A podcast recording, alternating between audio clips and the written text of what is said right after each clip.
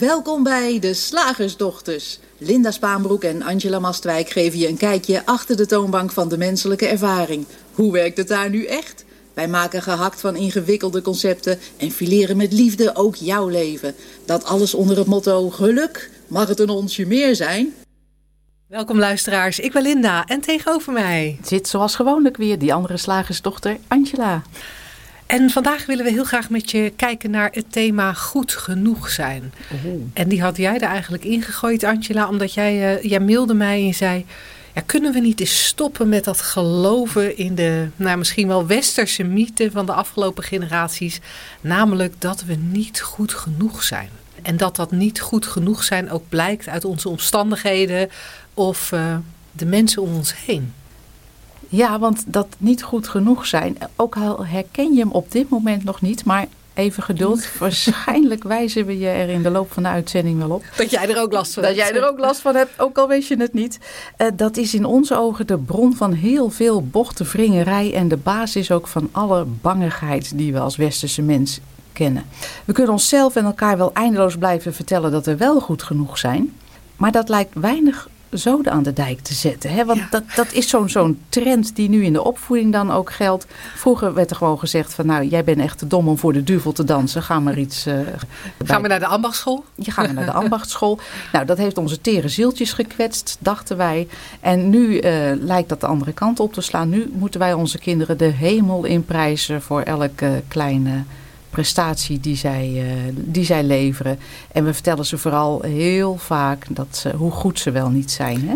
Ja, en, en dat doen we niet alleen met onze kinderen, dat doen we ook met onszelf. Want als we dan in therapie gaan of we gaan naar een, een motivatiegoeroe toe, dan krijgen we te horen dat het heel belangrijk is dat we onszelf vertellen dat we oké zijn, of dat we mooi zijn, of dat we goed zijn. En, uh, en dan krijg je van die, uh, van die oefeningen dat je voor de spiegel moet staan en dat je tegen jezelf vijf of tien of vijftien keer moet zeggen. In mijn geval, Linda, ik hou van je. Linda, ik hou echt van je. Linda, ik hou zoveel van je. Linda, je bent zo geweldig. Zo geweldig, zo geweldig. En dat, en dat maar tegen elkaar praten. of niet tegen elkaar praten, tegen jezelf praten, tegen jezelf vertellen. Ja, je bent echt, ja. je bent echt goed genoeg. Dat, dat lijkt inderdaad niks te doen. Nee, want ik zie dat ook in conversaties tussen vriendinnen of wat ik op Facebook wel eens voorbij ziet komen. Hè. Heel veel mensen zijn bijvoorbeeld onzeker over, ik noem maar wat, een, uh, hun lichaam. Of onzeker over het niveau waarop ze presteren. Of onzeker over, nou je kan overal onzeker over zijn. En dan is de neiging tegenwoordig, in de moderne tijd, heel groot om te zeggen: nee, maar meid, je bent echt goed zoals je bent. En, en, het, en je bent juist hartstikke mooi. En je moet de nadruk leggen op je, op je voordelige punten. En daarmee, ja, dat klinkt allemaal heel lief. Dat klinkt allemaal heel aardig. En ik zou ook niet zeggen van hou daarmee op. Maar, maar er zit iets in waardoor het niet werkt. Ja. er zit iets in waardoor het niet werkt. Want anders zouden wij met z'n allen, zoals wij ons nu tegenover elkaar gedragen, al lang dat idee van dat we niet goed genoeg zijn. Of dat ons leven niet goed genoeg is, voorbij zijn. Ja, ja.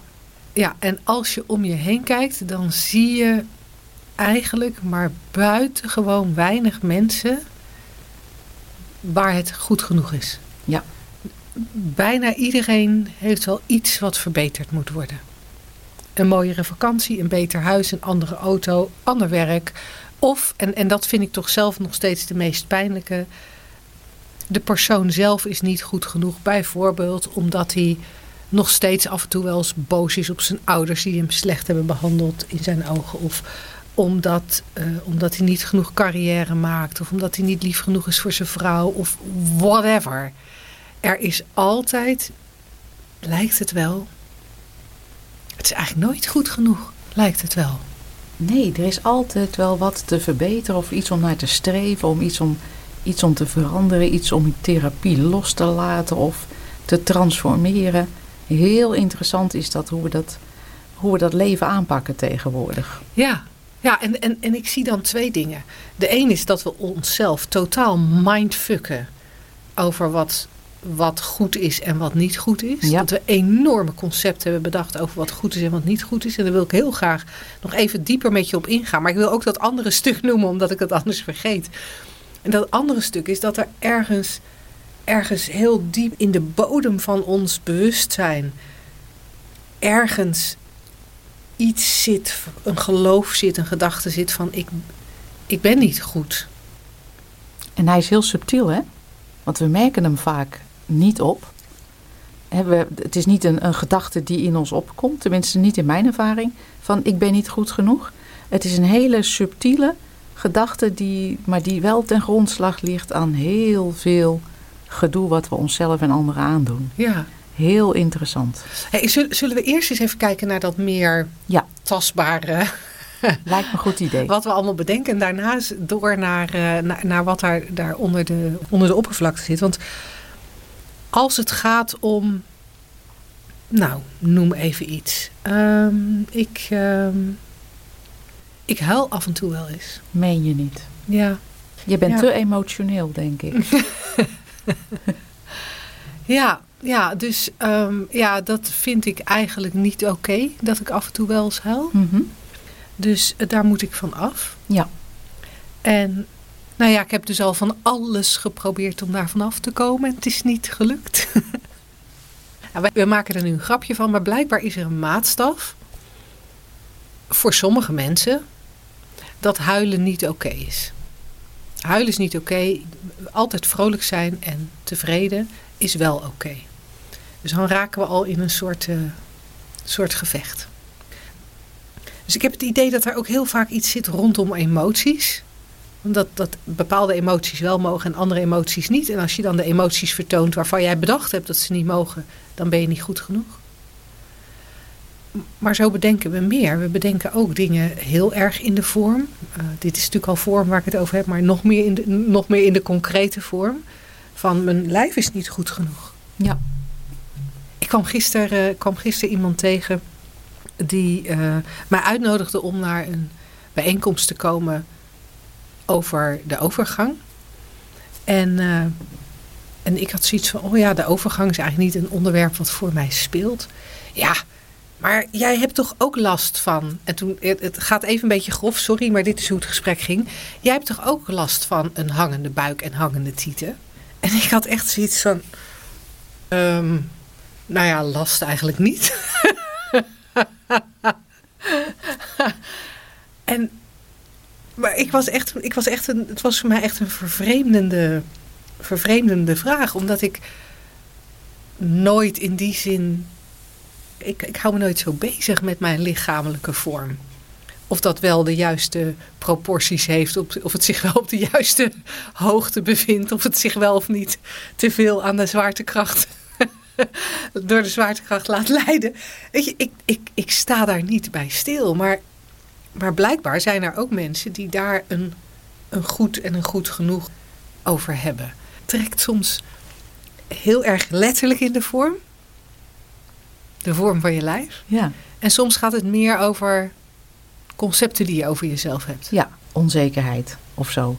En die kan je dan ook leuk combineren. Ik ben onzeker over mijn lichaam. ja. Dan moet je daar wat, iets, iets aan doen. Ja. En of ik ben eh, onzeker over spreken in het openbaar. En dan kan je daar weer een, eh, weer een eh, kunstje voor doen.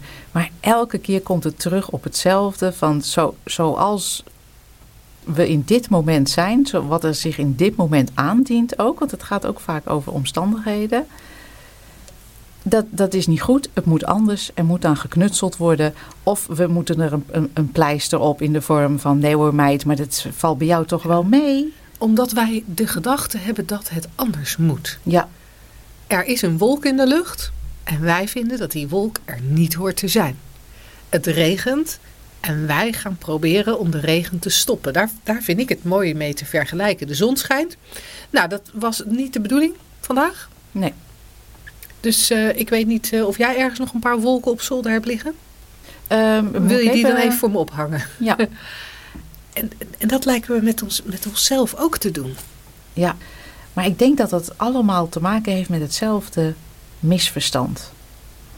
Dat we niet zien hoe we in elk moment, ieder voor zich, een gevoel creëren en een realiteit creëren waar we dan wat van gaan vinden. En wij vinden dat het niet goed genoeg is. Leg dat nog eens uit. Ik moet ook gelijk denken aan David Boom. Hè. Dat was die, uh, die hele slimme natuurkundige uit de vorige eeuw. En die zei: Thought creates a world and then says: I didn't do it. Gedachten creëren een wereld en zegt dan: Dat heb ik niet gedaan. Hè? en wij realiseren ons niet als, als mens dat we met de gedachten die we geloven. En heel vaak geloven we blijkbaar de gedachte: Ik ben niet goed genoeg. Het moet anders. Het moet anders. Daarmee creëren we een realiteit en vervolgens gaan we knutselen aan die realiteit. En dan zijn we al een stap te ver. Ja, dus wat jij eigenlijk zegt is, je bakt een hoop lucht. Ja. Vervolgens ga je van die gebakken lucht zeggen, dit is, niet, niet, niet de vorm gebakken lucht die ik graag wil. Hij is toevallig, deze gebakken lucht is toevallig uitgekomen in de vorm van een tulband. Ik had toch liever zo langwerpige cake gehad. Ja, die tulband is echt niet goed genoeg. En vervolgens gaan we misschien met, de, met een mes de tulband te lijf om, om hem meer te laten lijken op een cake. Ja. En ondertussen niet in de gaten hebben dat we het over gebakken lucht hebben. Hè? Ja, dat we, hebben het... niet over iets wat echt is. Nee. We hebben het over gebakken lucht. We hebben hem zelf gecreëerd. En in plaats van te kijken naar het systeem van... hé, hey, wat creëert dat dan?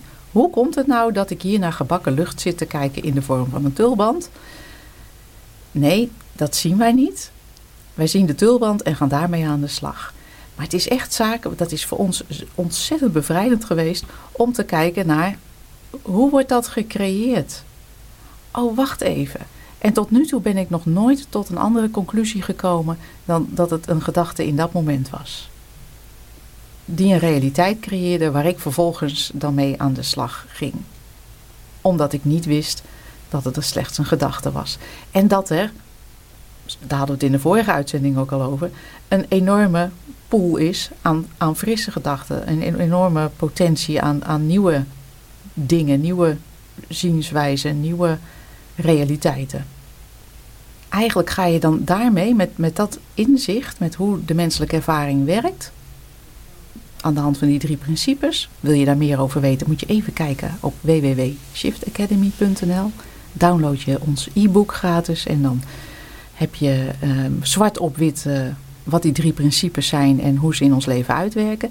Zolang wij ons niet realiseren dat het werkt zoals het werkt, zijn wij voortdurend bezig om te knutselen aan een zelfgecreëerde realiteit. En heel vaak zie ik in gesprekken met uh, de mensen om me heen, met, met cliënten, met dingen die je op televisie ziet of die je op de radio voorbij hoort komen, dat er heel veel wringen en schuren noem ik het vaak. Heel veel ellende is terug te voeren op zo'n basisgedachte. Ik ben niet goed genoeg of het is niet goed genoeg. Ja, ja en dan komen we eigenlijk op dat, op dat aspect uh, hè, waarvan we er straks zeiden. Er zijn twee aspecten, een soort van in, ja.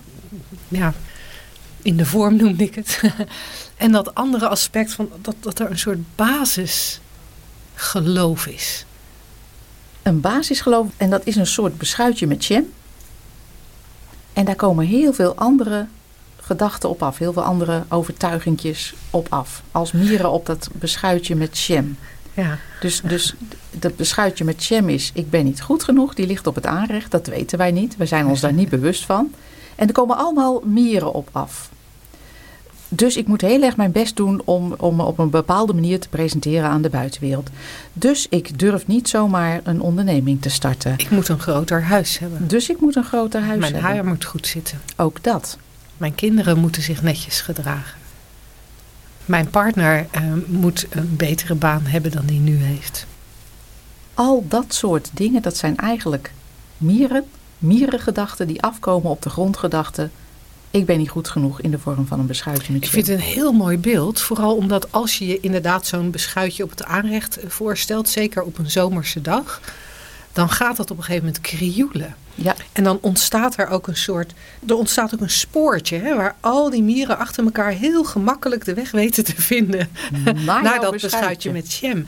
En als je het zo zegt, denk ik, oh ja, dat is, dat, dat is denk ik waar. Dat naarmate je naarmate je vaker gedachten entertaint, waar, waar die basisgedachte, ik ben niet goed genoeg, onder ligt, trek je ook een spoortje in je, in je brein En via dat spoortje in je brein is het heel makkelijk om steeds maar weer nieuwe dingen te verzinnen. Die, die aantonen dat het inderdaad niet goed genoeg is of dat het anders moet. Ja, en, en we zijn dus, zoals we net allebei hebben uitgelegd, heel erg geneigd om dan miertje voor miertje dood te drukken of naar buiten te brengen. Of ehm, een lokdoosje neer te zetten zodat ze niet meer in jouw keuken komen. Ja, dat ze wegblijven bij het beschuitje. Ja, dat, dat is wat we met al die, al die gedachten doen die daarop afkomen. En wij zeggen, kijk eens naar wat er op je aanrecht ligt. Ja. Het is maar een gedachte, maar wel een beschuitje met jam gedachte. ja. maar je kan, als je hem doorziet voor wat hij is, de gebakken lucht waar jij het net over had, dan kan het zomaar zijn dat dat uh, beschuitje met jam of uh, die tulband waar jij het net over sprak, oplost. Herkend wordt voor wat het is. Niks, alleen maar een gedachte die, ja, weliswaar ons heel vaak is gevoerd toen we klein waren. Hè? Dat, is, dat is heel subtiel. Dat is de kleuterjuf die tegen Angela van Vijf zegt: Wat ben jij een kattenkop? Oh, niet lief genoeg. ja. Dat is, wat er, dat is wat er gebeurd is en dat geeft niks. Want het enige wat er aan de hand is, is dat wij die grondgedachte, die beschuitje met jam hebben geloofd. En daar komt heel veel mier op af. Heel veel andere gedachten, heel veel. En het is elke keer weer, ik vind het zo opvallend als je deze ziet voor jezelf. Oh, wat ik allemaal, hoe, mijn, hoe erg ik niet mijn best doe in mijn leven. Om, omdat ik uiteindelijk denk dat ik niet goed genoeg ben. Ja. En, en wat, ik, wat, wat er in mij opkomt, wat ik dan heel interessant vind, is dat je, je hoeft ook weer niet tegen dat beschuitje met jam te vechten. Nee. Het is ook niet zo dat dat beschuitje met jam weg moet. Nee. Want dat is natuurlijk wel... Dat zou, dat zou een fijne oplossing zijn. Als je dat beschuitje van het aanrecht kon halen, wegflikkeren. En je hebt nooit meer last van, van mieren. Je hebt nooit meer last van al die gedachten die op dat beschuitje, uh, dat beschuitje met jam afkomen. Dat is wel heel aantrekkelijk. Maar dan blijf je eigenlijk een, een beetje vechten tegen de gebakken lucht. Want het beschuitje met jam, die basisgedachte ik ben niet goed genoeg, die is niet waar. En volgens mij, wat, wat, wat mijn ervaring is, is het voldoende om dat te herkennen. En te herkennen, hé, hey, daar komen inderdaad heel veel mieren op af. Maar zoals jij daar straks al zei, je hoeft niet al die mieren één voor één dood te trekken. Je hoeft alleen het beschuitje maar te zien voor wat hij is. En dat hij dan niet 100% verdwijnt. En dat hij af en toe nog eens een paar mieren aantrekt. En jij toch jezelf ineens aantreft voor de spiegel. Oh shit, mijn broek zit te strak of mijn broek zit te wijd. Of wat dan ook jouw favoriete het is niet goed genoeg uh, uh, gedachte is. Helemaal niet erg. Het is maar een gedachte, doet jou geen kwaad. En kan in een moment ook weer voorbij zijn.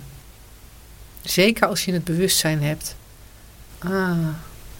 Ja, en hij is heel makkelijk te herkennen. Want want, je voelt het op momenten dat je heel erg je best aan het doen bent. Het wringt en het schuurt. Of dat je, nou ja, letterlijk zoals wij omschreven ehm, in de aankondiging van uh, dat je in bochten aan het wringen bent. Of dat je bang bent ergens voor. Dat voel je. Dat is prachtig. Dat zit ingebouwd in, in uh, het systeem van het mens zijn. Je voelt het in je lijf of het helemaal ontspannen is. Of dat, uh, dat, je, dat het niet ontspannen is. Ja. En het enige wat er dan aan de hand is, hé, hey, ik geloof hier een gedachte. Heeft niets te maken met de buitenwereld, heeft niets te maken met de strakke broek, heeft niets te maken met uh, het bedrijf wat je wil beginnen en het heeft niets te maken met uh, die spreekbeurt die je voor 500 man gaat doen. Het heeft alleen maar te maken met wat je in dat moment gelooft. En, en dat, hè, dat idee van ik ben niet goed genoeg, ik ben er nooit iemand tegengekomen, eerlijk gezegd, die dat heel diep niet gelooft. dus daarom vond ik het fijn om, uh, om daar eens een keer een radio-uitzending over te doen. Maar we hebben de mogelijkheid, als we het systeem herkennen, om ook die te doorzien. Ja. Waardoor, ja, waardoor het een stuk makkelijker wordt. Waardoor het een stuk minder vaak wringt en schuurt en je je gewoon makkelijk beweegt. Ja, heerlijk. Laten we overgaan naar de wetenschap. Goed idee. Slagersdochters, wat zit er in de leverworst? Oftewel, tijd voor wat wetenschap.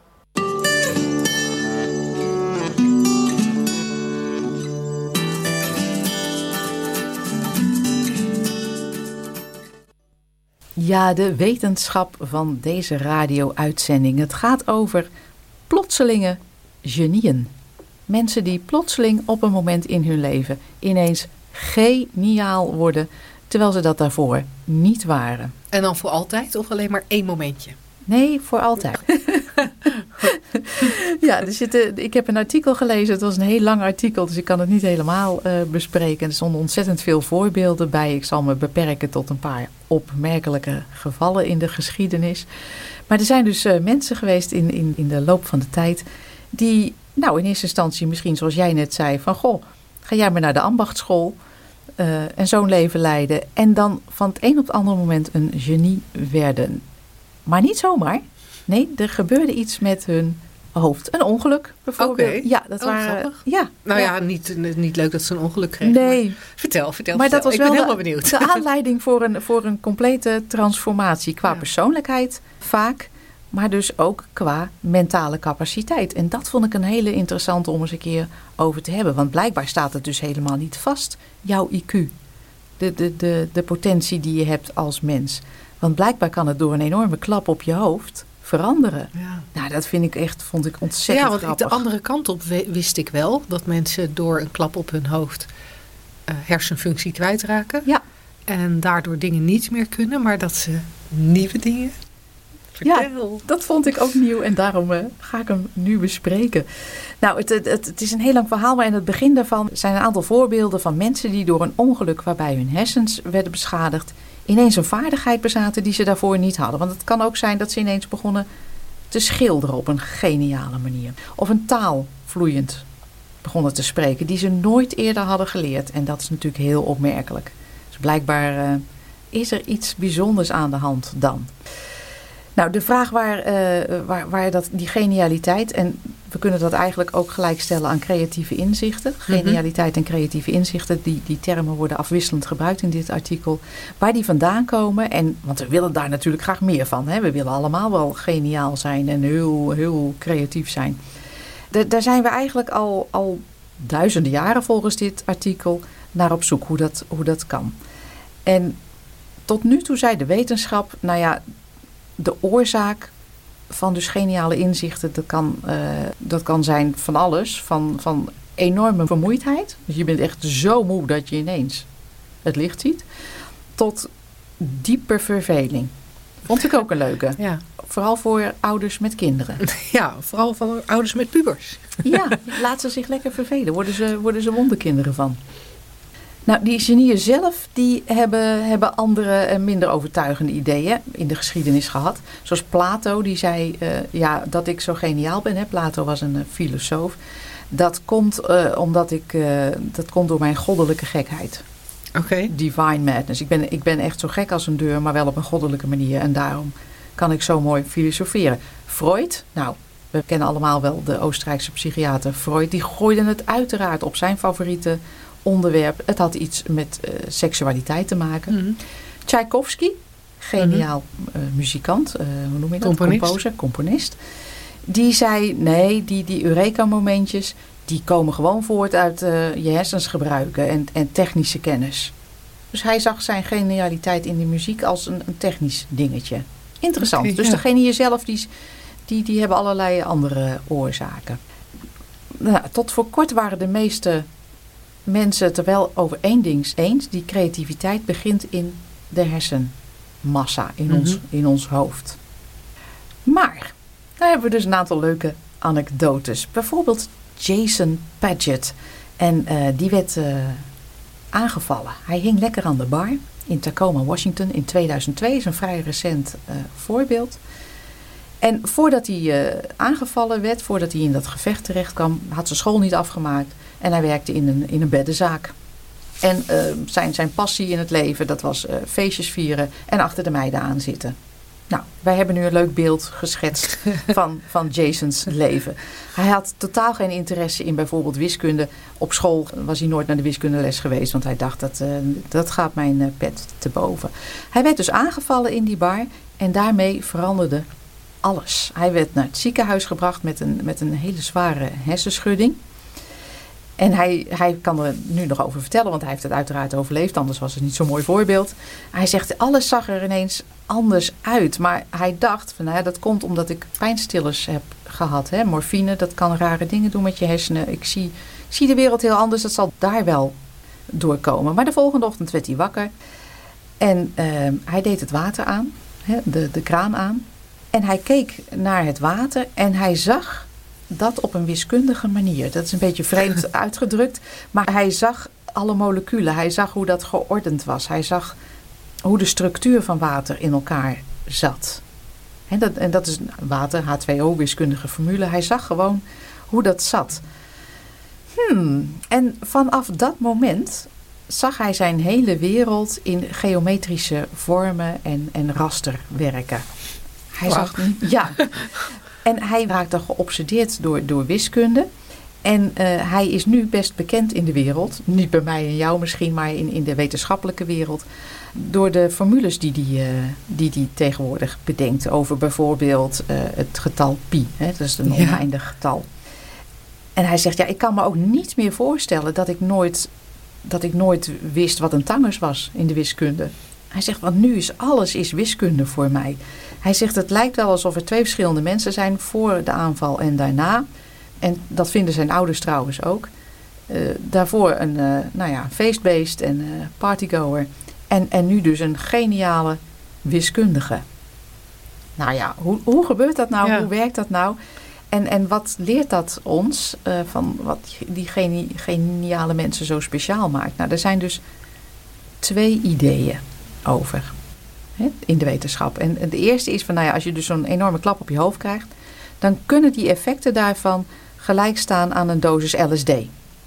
Okay. He, dat is psychedelische drugs. Die, die staan er bekend omdat ze je creativiteit enorm uh, stimuleren. En dat komt, zeggen de wetenschappers, doordat je serotonine-niveau enorm omhoog gaat. En serotonine is ook, noemen ze ook wel het gelukshormoon. Hè? Dat is ook leuk voor in het kader van deze uitzending.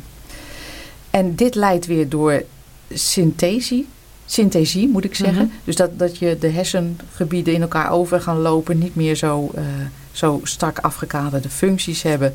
En, en elkaar stimuleren en dan tot nieuwe inzichten komen en hele creatieve dingen.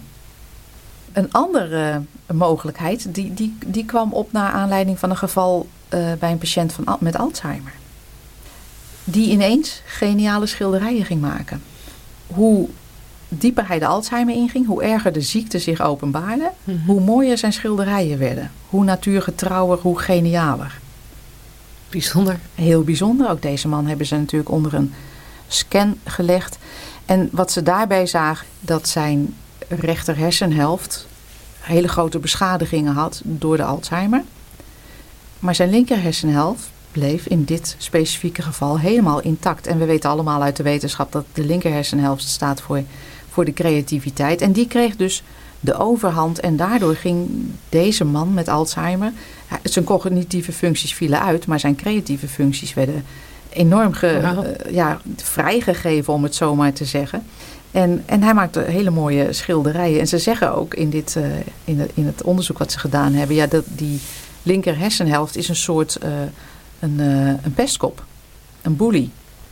Die zodra jij een idee krijgt in je, in je rechter hersenhelft om een mooie schilderij te maken. Zegt de linker hersenhelft, nee dat kan je niet. maar als die linker hersenhelft nu uitvalt, in dit geval dus door de ziekte van Alzheimer of een klap op je hoofd, dan kan het zijn dat, dat die andere kant uh, enorm gaat, uh, gaat overheersen. En, en dat kan dus de tweede verklaring zijn, een andere verklaring zijn voor plotseling genie worden op een bepaald gebied. Heel interessant. Ja, de conclusie in dit onderzoek vond ik een, uh, vond ik een uh, interessante. Hij, zij noemen het het sudden savant syndrome. Dus dat mm -hmm. je een plotseling een genie bent. En, en uiteindelijk is het doel van dit onderzoek dat we dat allemaal met opzet kunnen gaan doen. Hè? Onze verborgen mentale krachten uh, vrijgeven. Um, en, en ze zeggen, ja, misschien moeten we daar toch uh, smart drugs voor ontwikkelen. Of een, uh, of een, uh, een apparaatje. En zij zeggen, maar totdat dat het geval is, totdat dat uitgevonden is, zo'n apparaatje of zo'n zo'n druk, dan kunnen we misschien toch maar beter vooral veel oefenen met wat we willen doen. Of dat nu wiskunde is of schilderijen maken. En die conclusie die klopt volgens mij niet. Hè? En dat haakt ook heel erg aan bij waar wij het eerder al wel eens over gehad hebben. Van dat de mens eigenlijk oneindig creatief is. Alleen we geven heel veel aandacht aan dat denkende brein, aan die, aan die linker hersenhelft. Die ons ook weer vertelt, je bent niet goed genoeg. Ja, ja. Nou, ik vind een hele grappige loop in dit, in dit onderzoek zitten. Want aan de ene kant zeggen ze inderdaad, hè, dat, dat las jij net ook, uh, of dat vertelde jij net ook. Uh, zeggen ze van, ja, die creativiteit die is er vaak al wel. Maar wordt tegengehouden door, door het stemmetje uit die andere hersenhelft die maar zegt, uh, je kan het niet, je kan het niet. Uh, dus daar zit heel erg in van we houden onszelf tegen door dat niet goed genoeg idee. Maar tegelijkertijd um, wekt, het, wekt het ook de in dit artikel ook de indruk dat we smart drugs moeten ontwikkelen. Zodat we allemaal ja. beter worden dan we nu zijn. Zodat we allemaal die creativiteit kunnen benutten. Dus blijkbaar vinden de, vinden de onderzoekers wel toch ook dat er een een beter is. Dat meer creativiteit beter is dan minder creativiteit. Vind ik een grappige. Ja, inderdaad. Zo had ik hem niet bekeken. Maar dat is een hele, hele leuke constatering inderdaad aan de hand van dit, uh, dit verhaal. Een grappige van, paradox in dit, uh, in, dit, uh, ja. in dit artikel. Maar, maar tegelijkertijd natuurlijk ook heel interessant wat jij aangeeft. Dat hè, die creativiteit er altijd is. Die, die creativiteit die tot stand komt door onze verbinding met de universele levensenergie. Of uh, tot stand komt, maar die, die is er. Uh, op basis van die universele levensenergie, waar wij allemaal onderdeel van zijn, of waar we allemaal uit bestaan. Net, net welk woordje het meest interessant vindt daarin. Dus dat, dat, dat hebben we. Maar we hebben ook dat vele denken. Al die gedachten waar we het er net over hadden. Al die mieren die over dat aanrecht lopen richting dat, dat dat beschuitje met jam en die ons tegenhouden om dingen gewoon te doen of dingen uit te proberen. Ik vind wat wij in december gedaan hebben, of november, december gedaan hebben, daar eigenlijk een heel mooi voorbeeld van. Dat als je minder stemmetjes in je hoofd hebt, minder nadenkt over wat er mis zou kunnen gaan, minder nadenkt over wat anderen ervan zouden kunnen zeggen, of er misschien helemaal niet over nadenkt, er niet over nadenkt hoe het hoort, hoe het eigenlijk moet. Um, ja, dat wij een theatershow hebben gedaan waar mensen heel enthousiast over waren. Die blijkbaar heel erg grappig was. Zonder dat we dat van tevoren uit en nauw hadden uitgekoud. Voor ons voelde het alsof we maar wat deden. Maar het was wel heel leuk en het was heel creatief blijkbaar. Uh, en op bijna dezelfde manier is ons uh, boek Het mag ook makkelijk tot stand gekomen. Dat we op maandag, we hadden wel van tevoren afgesproken dat we die week zouden schrijven. Dat dan wel. Maar dat we op maandag uh, begonnen en zeiden, ja, waar, waar, gaan we het eigenlijk over doen? Wat gaan we eigenlijk vertellen? Ja, dat moesten wij nog bedenken op de maandagochtend. Ja, ja en, en op vrijdagmiddag om half vijf konden de laptops dicht en waren alle teksten geschreven. Ja. En de week daarna was ook de omslag klaar. En, uh, en, en kon het boek tijdens, uh, tijdens ons theatershow Het Levenslicht zien. Uh, kon het gelanceerd worden. En ik vind dat een heel mooi voorbeeld van het feit dat wij eigenlijk, zoals ik net al zei, onze weinig gedachten hadden over hoe het hoort. Want vaak wordt er gezegd, een boek schrijven is een zwaar proces. Ja. Duurt lang. Daar moet je een minimale week voor naar Mallorca. Minstens. En dan moet je nog maar blij zijn als je het, als je het af hebt. Want de meeste mensen denken dat het, eh, of vinden dat het een proces van maanden of jaren is. En, um, ja, en ook over op het toneel gaan staan zijn ideeën over dat je het moet instuderen en dat er een regisseur bij moet en dat er op een bepaalde manier naar gekeken moet worden. Het moet op een bepaalde manier in elkaar zitten. En wij, hebben, wij hadden die gedachten niet. Nee. En dus was er ruimte voor creativiteit en ontstaan er heel mooie dingen. Ja, het is leuk om dat te ervaren. Dingen die je vroeger misschien nooit bedacht had om te doen. Of waarvan je eerder dacht, nou, dat, dat, dat kan ik dus echt niet. Nee, ik had nooit bedacht dat ik lollig kon zijn op een toneel. Ik had ook trouwens niet bedacht dat ik toneel kon spelen. Maar dat blijkt ik te kunnen. Jij hebt zelfs gepresteerd om echte tranen te produceren toen, toen, dat, toen dat heel passend was. Ik vond het knap. maar inderdaad, we kunnen zoveel uh, meer zonder, zonder daar uh, een, een ding van te maken om naar te streven. En, en, maar gewoon, het is wel fijn vind ik om, om je dat te realiseren. Van ja, we hoeven het allemaal niet zo te bedenken en, en we hoeven ons niet in, in een hokje te stoppen of te bedenken hoe de dingen gaan en wat normaal is en wat gebruikelijk is. En het, het, het, het, het, kan ook gewoon vanzelf opkomen. Ja, en ik, en ik vind het ook in dit kader, hè, het artikel wat je, wat je beschreef, waar je over vertelde, hadden ze het over het, het, stemmetje van je rechter hersenhelft of het stemmetje van je linker hersenhelft. Ik, ik kan nooit hm. onthouden welke voor wat is. Uh, maar in ieder geval het stemmetje in je hoofd. Dat als we ons zouden realiseren dat dat stemmetje in ons hoofd niet de waarheid spreekt.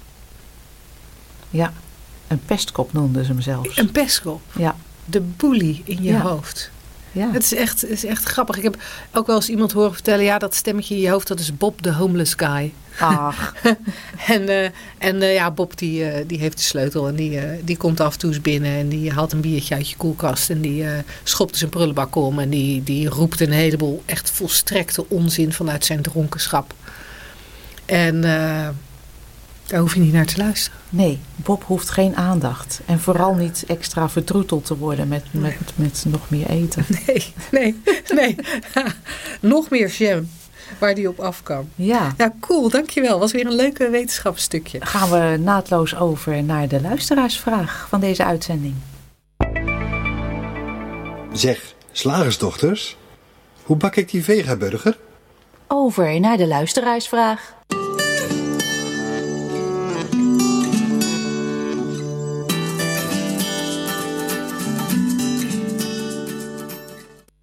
Een van onze luisteraars uh, stuurde ons een mail met een, uh, met een artikel waarin gezegd werd dat het uh, aantal meldingen over psychisch verwarde personen dat binnenkomt bij de politie sinds 2011 bijna verdubbeld is naar 75.000 meldingen per jaar. En zij gaf aan, van in dat artikel staat ook dat dit een, eigenlijk een beetje een beeld oproept van een steeds gevaarlijker en, en psychisch hopelozer overbelast Nederland oproept. En onze luisteraar is heel benieuwd wat wij daar als slagersdochters van vinden. Nou, superleuk uh, uh, om, om dit aan ons voor te leggen. Als jij ook zoiets hebt of een meer concrete vraag mag allemaal. Uh, stuur die dan alsjeblieft naar radio apenstaartje shiftacademy.nl en dan beantwoorden we jouw vraag heel graag in een volgende uitzending. En in alle eerlijkheid, de vragen beginnen een beetje op te drogen. Oh. Dus stuur ze vooral aan ons toe. Nou, Angela, wat vinden wij daarvan? Een, ja. uh, een, een psychisch overbelast Nederland. Het lijkt wel zo te zijn, hè? Um, waar, jij had het laatst ook over een uitzending, uh, ik weet niet, ergens laat op de avond, waarin uh, gesproken werd over psychisch leed en dat dat ondraaglijk werd. We hebben met z'n allen steeds meer depressies. Ja. er zijn steeds meer mensen met een, met een burn-out. En het, het lijkt mij toe alsof we in deze westerse wereld steeds dieper in het misverstand gaan. Het misverstand wat wij zo graag ophelderen in deze radioshow. Het misverstand dat alles wat Bob de homeless guy in je hoofd zegt waar is. Dat je ernaar moet luisteren of dat hij weg moet of dat je eraan moet werken. Dat je dat je, gedrag moet afstemmen op, uh, op wat Bob allemaal uh, uitkraamt. Het, lijkt alsof we steeds uh, dieper in het misverstand gaan dat, uh, dat we onze gedachten moeten geloven. En het misverstand dat de buitenwereld ons iets aan kan doen. En zolang wij niet zien dat alles wat we voelen en alles wat we überhaupt ervaren een spel is van het denken, wat in het bewustzijn komt en, en daarmee een complete realiteit, de realiteit creëert. Zolang we dat niet zien, zolang we lijden onder het misverstand dat wat er in ons hoofd gebeurt waar is en wat er in de buitenwereld gebeurt onafhankelijk is van wat we denken, ja, dan wordt het leven moeilijk. En het lijkt inderdaad alsof steeds meer mensen daarin verdwalen in dat misverstand. En dat vind ik ook heel logisch, want als je kijkt naar uh, alle reclame die er op tv is, dan is het uh, dat, je, dat je blij wordt van een vakantie. Dat je blij wordt van het behalen van een diploma of van het uh, krijgen van promotie.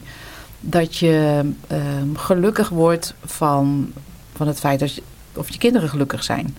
Dat je ongelukkig wordt als je kinderen niet gelukkig zijn. Dat je ongelukkig wordt als je gepasseerd wordt door die promotie. Of dat. Dat je je beter voelt als je minder rimpels hebt op onze leeftijd.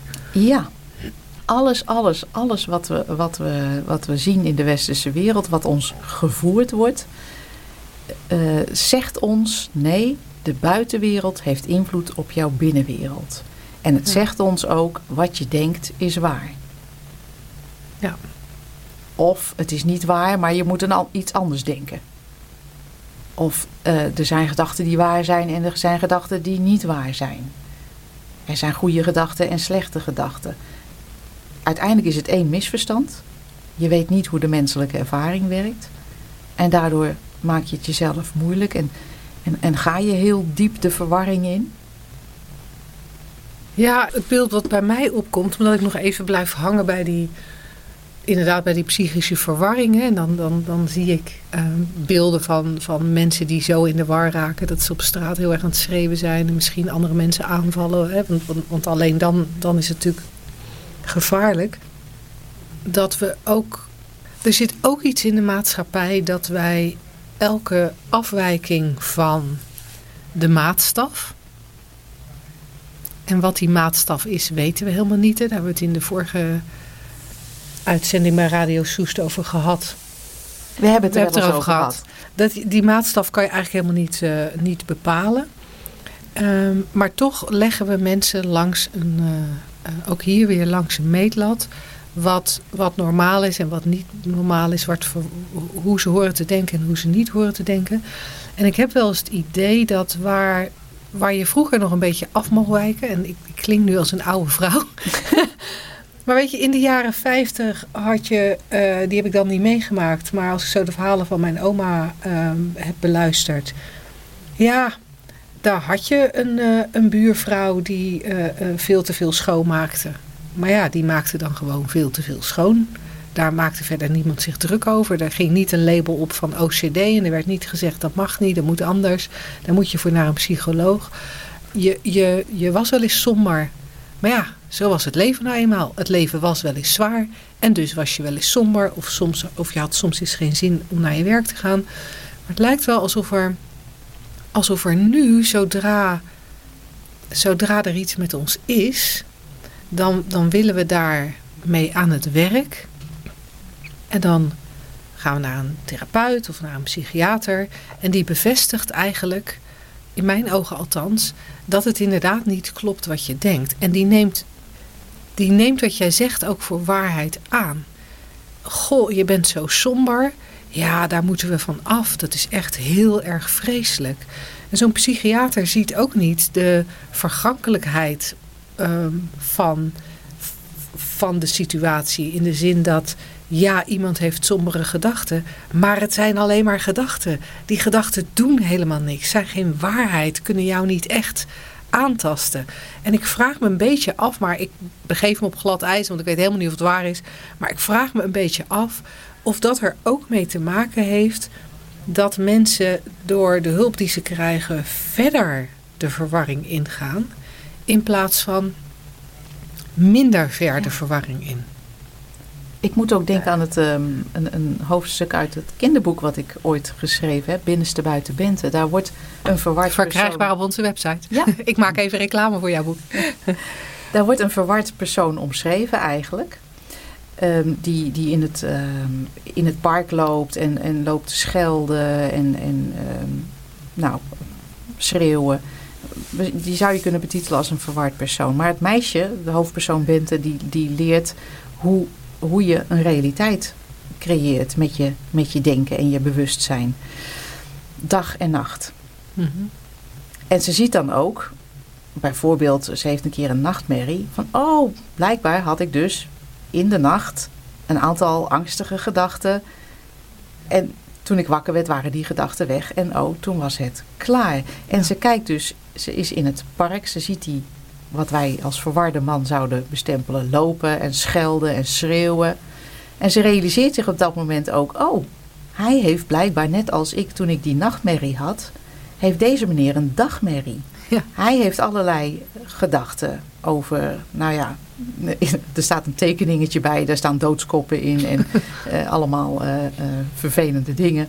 Ehm, hij heeft die gedachten, zijn bewustzijn laat hem dat zien. Hij zit dus in een hele vervelende realiteit waarin hij denkt te moeten schreeuwen tegen alles wat hij ziet. En zij ziet, ze, kijkend naar hem, er is in de kern niets met deze meneer aan de hand. Alleen hij doet hetzelfde als wat ik vannacht had in mijn droom. Gedachten komen op, het bewustzijn maakt er een verhaal van in 3D. En, en, en ja. je schrikt je helemaal dood. En deze man werd dus helemaal, helemaal boos. Maar het systeem is elke keer hetzelfde. En de basis is elke keer dat we allemaal psychisch gezond zijn. Alleen hebben we het misverstand. En dat geldt waarschijnlijk voor alle psychische en overbelaste mensen in Nederland. Dat dat niet normaal is, dat het anders moet. Dat we, uh, dat we eraan moeten werken, dat we die realiteit, uh, uh, ja, dat daar geknutseld moet worden. In plaats van te kijken van hoe komt het nou dat we zo'n realiteit creëren. Oh, wacht even, we denken, dat komt in het bewustzijn en dan zien we dat. Oh, en dan voelen even. we het. En dan, en, komen, ja. dan, dan, komt er angst op of boosheid of wat het dan ook ja. is. En neigingen om dingen te doen. Te slaan of zo. Of te schreeuwen. Of, uh, ja. Terwijl als je mensen dan terugbrengt naar, hun, naar de essentie. Naar het besef dat, dat dat is hoe het systeem werkt. Zoals jij altijd zo mooi zegt. Je leeft en je beleeft je gedachten. En die gedachten zijn niet waar. Ze voelen waar, maar ze zijn het niet dan komt er al een heel andere relatie met, nou ja, met wat zich afspeelt in je hoofd. Met wat ja. je voelt, met wat je ervaart. En als je dat eenmaal ziet, dan kan je nog wel eens heel verdrietig zijn. Of je kan nog wel somber zijn. Uh, maar je kan net zo goed nog wel eens overdreven gelukkig zijn. Om maar eventjes een label te plakken. Maar als je dat systeem doorziet, dan loopt het niet meer uit de hand. Nee, nee het zou heel mooi zijn als, als we dat uh, meer, meer en meer konden zien. Wij dragen ons steentje bij, dacht ik, met deze radioshow. Wij doen ons best. en, en op onze site waar elke dag wel een verhaaltje wordt geschreven die deze richting inwijst. Kijk, en dat is natuurlijk niet uh, nuttig om tegen iemand die um, schizofrene neigingen heeft te roepen: heet zijn maar je gedachten, hè? Of tegen de overbelaste buurman te zeggen: van hé, hey, zijn maar je gedachten, hè? Dat werkt niet. Maar we, we, kunnen wel naar die ander kijken en vanuit begrip van dit systeem zien dat er in de kern niks aan de hand is. Hoe verward de ander ook lijkt en hoe overbelast die ander ook, ook is. En in, in, die, in die rust, dan, dan, dan gebeurt er al iets anders. Hè? als er niet de neiging is die, die veel psychologen en psychiaters toch hebben en ook uh, veel omstanders ook hebben, die, die getuigen zijn van een verward iemand. Oh, die, die is mee, daar, daar moet iets, uh, die, moet, uh, die moet in behandeling en weet ik veel. Maar wetende hoe het werkt, kan je daar toch al met een heel andere, heel andere blik naar kijken. En kunnen er ook andere dingen ontstaan. En, en, en is die rust misschien ook wel uh, een soort besmettelijk voor uh, ja. de persoon waar het om gaat. En, en kan je daar uh, een, een, gesprek over beginnen, heel, ja. vanuit een heel andere invalshoek dan dat nu gebeurt. Ja. Ja, dus samenvattend kunnen we eigenlijk zeggen... wat vinden de slagersdochters van het, het steeds gevaarlijker... en psychisch hopeloos overbelaste Nederland, dat dat zo lijkt. Wij zien dat het misverstand meer voet aan de grond krijgt. Ja. En, en, en dat dat alleen maar doorzien uh, hoeft te worden. Tot zover de vragen van deze week. Mocht jij ook een vraag hebben, stuur die dan naar radio.shiftacademy.nl. En dan gaan wij nu over naar het laatste onderdeel van onze radioshow, het concept. Woensdag, gehaktdag. Zeg slagersdochters, welk concept gaat er vandaag door de molen?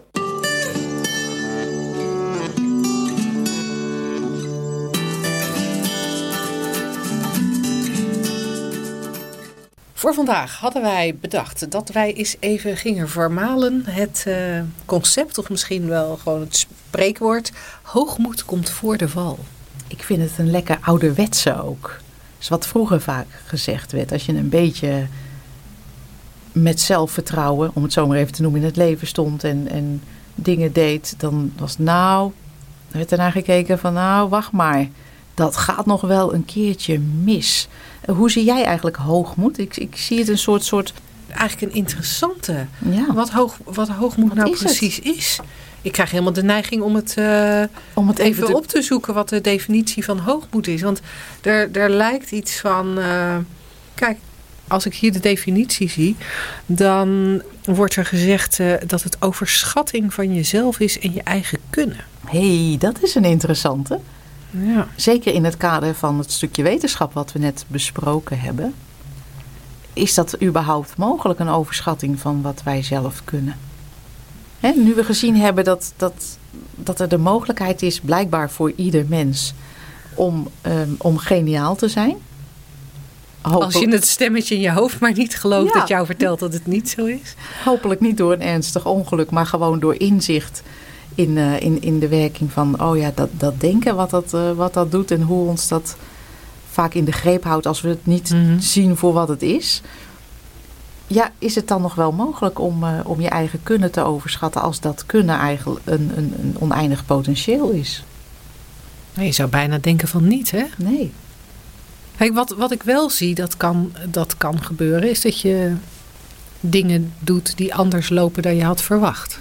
Ja, dat gebeurt ook nog wel eens in een mensenleven. Je denkt, goh, ik klim in deze boom, kan ik wel.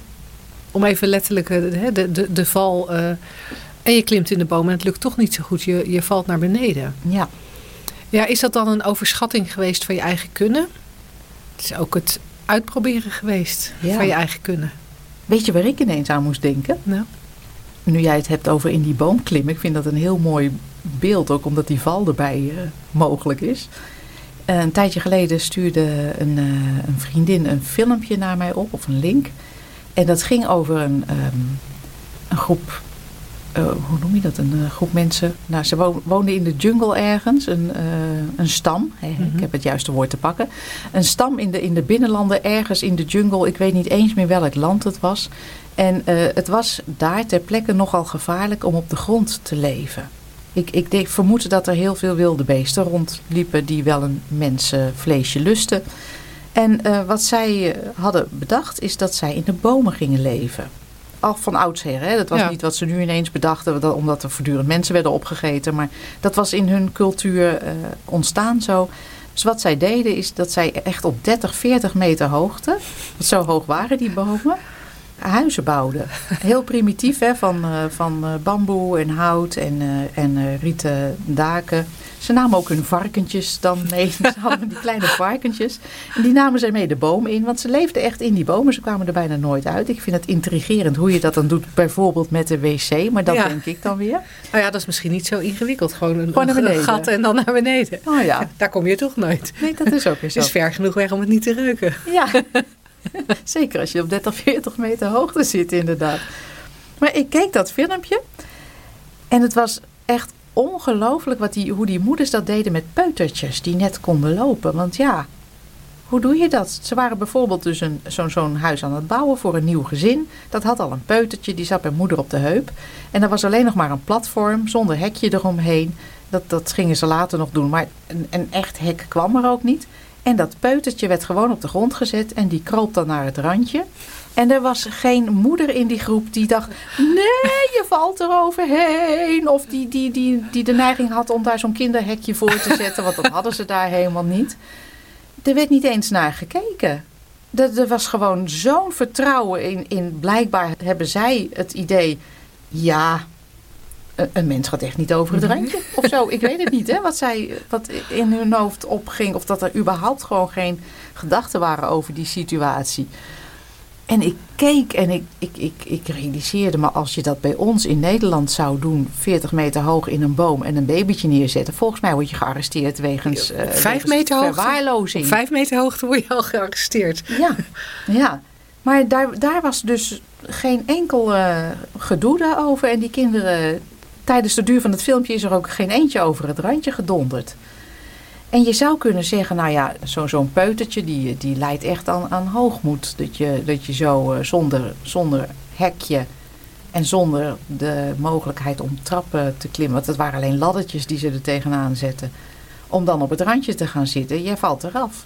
Maar er gebeurde helemaal niets. Ik vond het echt heel interessant. En het kwam in mij op omdat jij dat verhaal vertelde. Ja. Dus, dus hoogmoed, ja, overschatten van ons kunnen. Misschien kan het helemaal niet. Want zijn we oneindig intelligent? Ook al weten we dat niet. Omdat wij nou eenmaal die pestkop in onze linker hersenhelft hebben zitten. Die zegt, dit kan je Ja. niet en daar ben je niet goed genoeg in.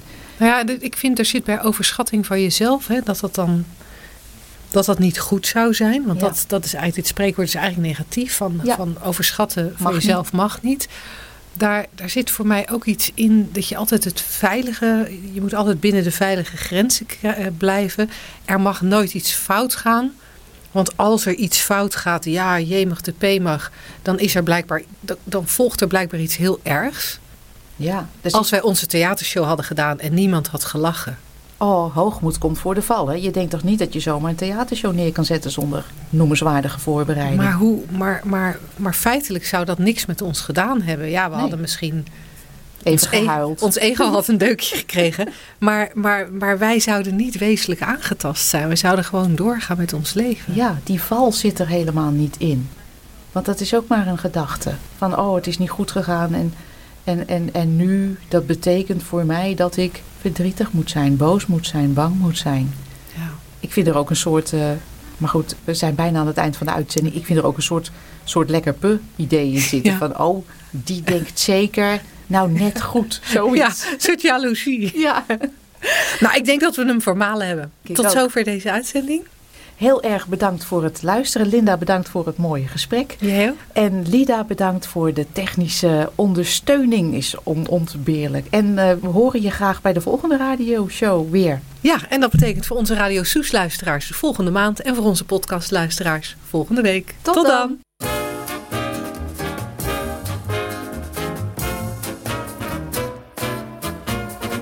Wat een geluk dat ik een stukje van de wereld ben. Dat ik de weesjes van de zeisjes en de merels ken. En dat ik mee mag doen met al wat leeft. En mee mag ademen met al wat adem heeft. Ik ben zo blij dat er in mij altijd narcissen zijn. En dat er vruchten, vlinders, veulens, vogels, vissen zijn. En al die blijdschap komt enkel door jou. Omdat ik vreselijk ongeneeslijk van je hou. Als je mij nou vraagt, is dat afgezaagd? Zeg ik ja, maar ik zaag toch nog even door. Ach, wat moet ik nou, want ik hou van jou. En daar heb ik doodgewoon geen woorden voor. Ik heb alleen maar het vertrouwde schat, ik hou van jou. Het hart te diep, ik heb je lief en het oude blijft me trouw. Ik vind het zelf ook wel erg primitief. Maar waarom ben je dan ook zo lief? La la la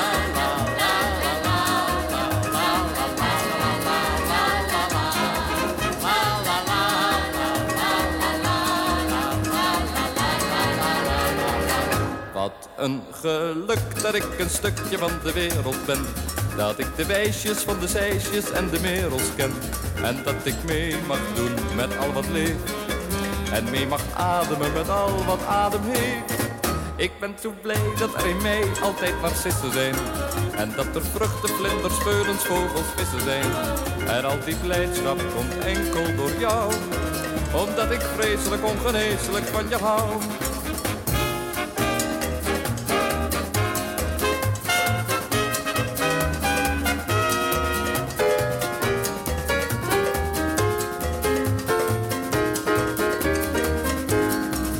Ik heb alleen maar het vertrouwde schat, ik hou van jou. Het hart te diep, ik heb je lief en het oude blijft me trouw. Ik vind het zelf ook wel erg primitief. Maar waarom ben je dan ook, oh waarom ben je dan ook, oh waarom ben je dan ook zo lief? La la la